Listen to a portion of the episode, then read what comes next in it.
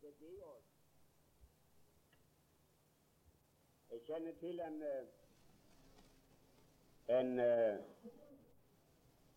fremstående advokat i Amerika, i New York. Han var kjent som New Yorks fremste advokat.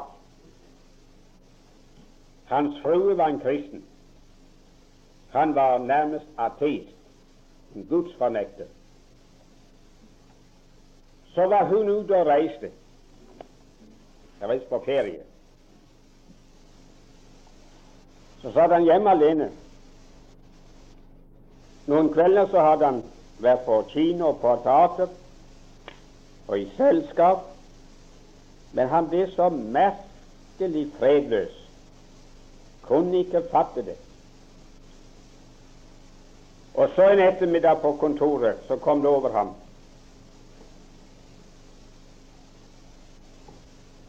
Du er visst ikke frelst.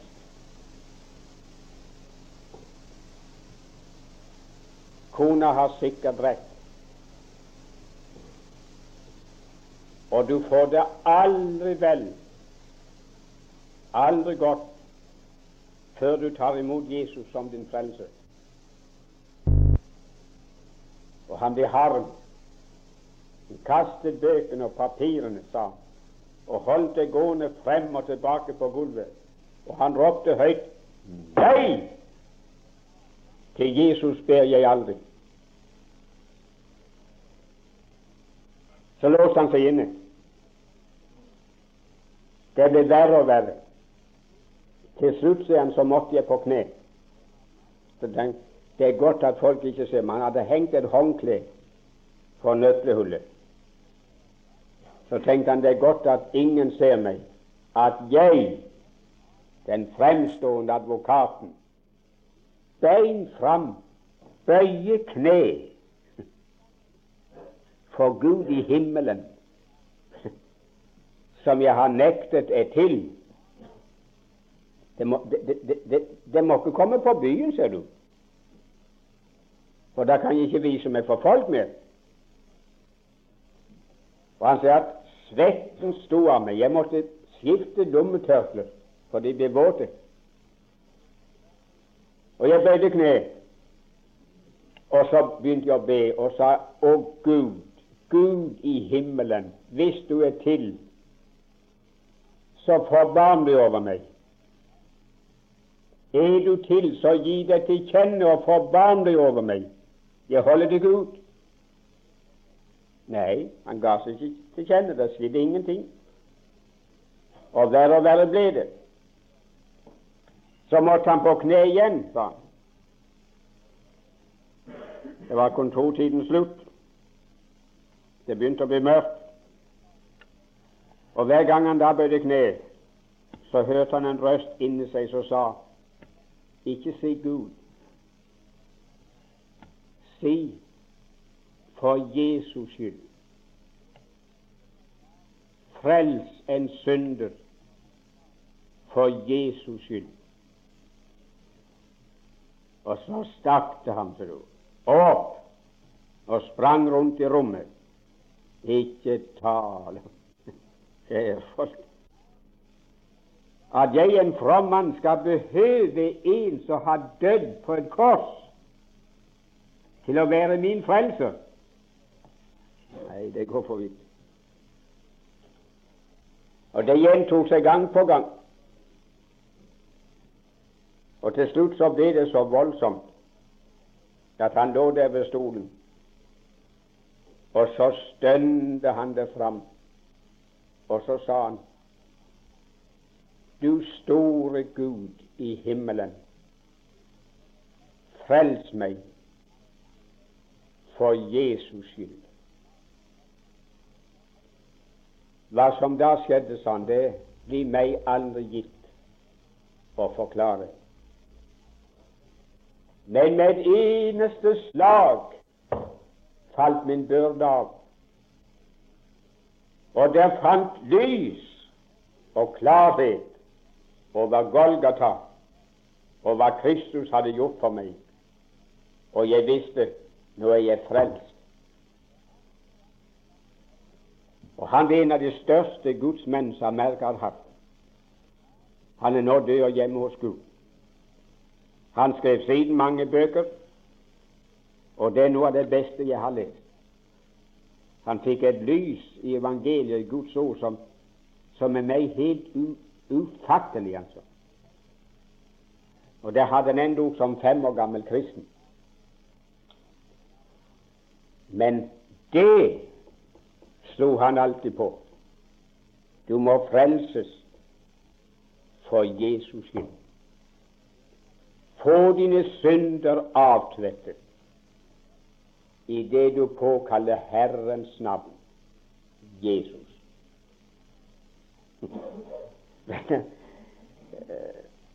Vi kan ikke ta en større skam og ydmykelse på oss i denne verden enn å be en korsfestet mann på Golgata om å være min frelser. At alt det jeg har tenkt, alt det jeg har lært, alt det jeg vet, hele min intelligens, alt det jeg har gjort av rett og rent som mennesker taler vel om, når det gjelder min frelse, så det er null og niks. Det hjelper meg ingenting. Men det at den mannen døde for meg på et kors på Golgata og tok min dom og straff på seg, det redder meg. Og venner, det er den ydmykelsen vi er nødt til å ta. Gud lar oss ikke slippe billigere ifra Jeg har mange ganger sett det slik som om Gud spurte meg den gangen jeg skulle bli en kristen, og sa Bjerkrem, nå er jeg villig til å frelse deg og har makt til å frelse deg, men vil du ta den skammen på deg at du heretter, hvor du ferdes og hvor du er, bekjenner at du er frelst? Men føyer til det er for Jesus skyld.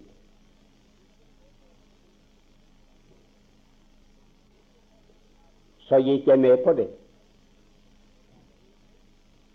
Jeg har tatt den skammen på meg, og jeg bærer den. Og frelst ble jeg. Og i vårt land, og litt i andre land, har jeg talt og vitnet og bekjent at jeg er frelst. Jeg har gjort det blant fremmede, jeg har gjort det på Vikeland, i Kristiansand, på Mosby, overalt her omkring. Og jeg har gjort det hjemme i mitt eget hus, overfor min egen familie, der hvor de kjenner meg best, og sagt at jeg er frelst, og jeg skal til himmelen. Men mine tilhørere, jeg har ennå aldri sagt det, at jeg er frelst uten jeg har skyndet, skyndet meg å føye til. Men det er for Jesus skyld. Det er ikke min ære, det er ikke min ros. Men Gud har frelst meg av hensyn til en annen mann. Vil du ta den skammen på deg, og så tre fram i lyset? La de få vite om det hjemme. La naboene få vite det. Arbeidskameratene dine får vite om det. Forretningsforbindelsen får vite om det. Hvem som helst. Så skal jeg garantere, min venn, at med en gang du har tatt hans navn på deg, så tar han seg av deg. Så skal han berge ditt navn skal du få den kraften som du behøver til å være og leve som en kristen. Prøv ikke å lure deg inn i Guds rike, men kom åpenlyst. Når Paulus kom, så betød det at mange andre kom. Og mange i den stillingen mellom oss at når de bier, så er det fordi de venter på andre. De vil ikke være den som begynner, verken i kameratflokken, venninneflokken eller i familien. Men hvis bare de andre begynte, så skulle de. Kona sier det. Å, hvis bare mannen min hadde begynt, så skulle jeg ha kommet. Og mannen tenker på kona og barna. Hadde bare de der begynt, så skal jeg også komme. Så tenk på kamerater og, og venner og venter. Og noen venner de, de er lignende med, med, en sten som ligger fast oppe i en ur. Og den ligger slik at hvis du får brekke løs den ene stenen med et spett, så kommer det et helt ras. Den ene holder de mange igjen. Det er noen som venter på deg. Kommer du, så kommer de. Jeg slutter med å si Jeg var et sted og hadde noen få møter. Det var visst en 14 dags tid. Så en kveld i siste uken så kom det bort en frue til meg etter møtet, og så sier hun unnskyld. Det var bare et spørsmål. Vil De være så vennlig å love å be til Gud for barna mine? For barna deres? Har du mange barn? Jeg har fem. Er de voksne? Ja, de er voksne alle sammen. Og troende? Nei, ingen av dem. Ingen av dem. Og Det er derfor jeg ville så gjerne at du skulle be for dem, at de må bli frelst. Nei, søster, det kan jeg ikke love. Jeg vil ikke be for dem. Stakkars menneske. Du skulle sett det forskrekkede ansiktet. Og så sa hun, skal si sin troskyldighet Mener de det, Bjerkreim, at de ikke vil be for barna mine? Ja, så det er fullt alvor. Hvorfor vil du ikke? Vil du svare meg på et spørsmål?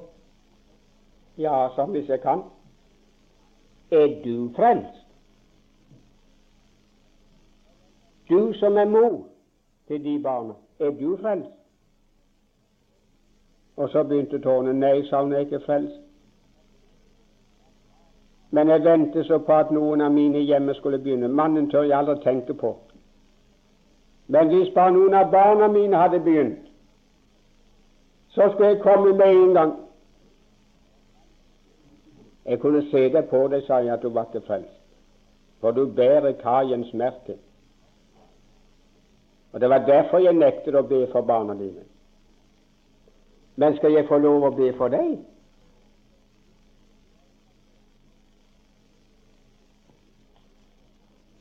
Det farlig jeg på den kvelden. Så sa jeg, hør, søster, hvis du vil ta det skrittet Åpen lyst i dagen, og så gå hjem og fortelle det til barna dine og til mannen, så kan du regne med at jeg skal be for dem. Og så tenker de har ventet på deg, og så får du de med deg. Kort fortalt, det endte med at hun sa ja, det blir feil, sa hun.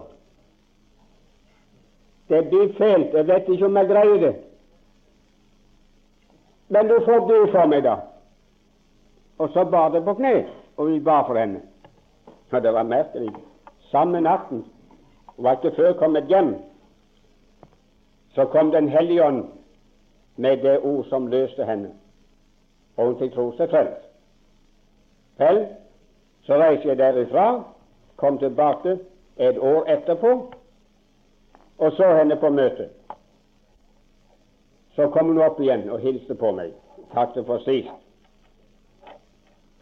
Så sa han, 'Kjenner du meg igjen?' 'Ja, er ikke du mor til de barna som jeg ikke ville be for?' 'Jo', sa hun, 'det er meg.' 'Du kjenner meg igjen?' 'Ja', sa jeg. 'Kjenner igjen'. Og hvordan er det med de barna nå? Å, gudskjelov og takk, sa hun. Nei, vi frelste alle hjemme. Den yngste datteren min hun begynte å gråte og sa 'Å, mamma, jeg ventet så på at du skulle begynne'. Og så begynte hun. Og så kom søsknene. Og når søsknene kom, barna kom, og kastet seg om halsen til far og sa hva som var skjedd, så sang han sammen ved stolen. Det ble løst én sten oppi uren, og så kom det et helt ras. Begynn du, min venn, ikke vent på de andre. Ja, de si hva de vil. Begynn selv, og la saken bli klar, og Gud skal redde både deg og dine. Fader i himmelen.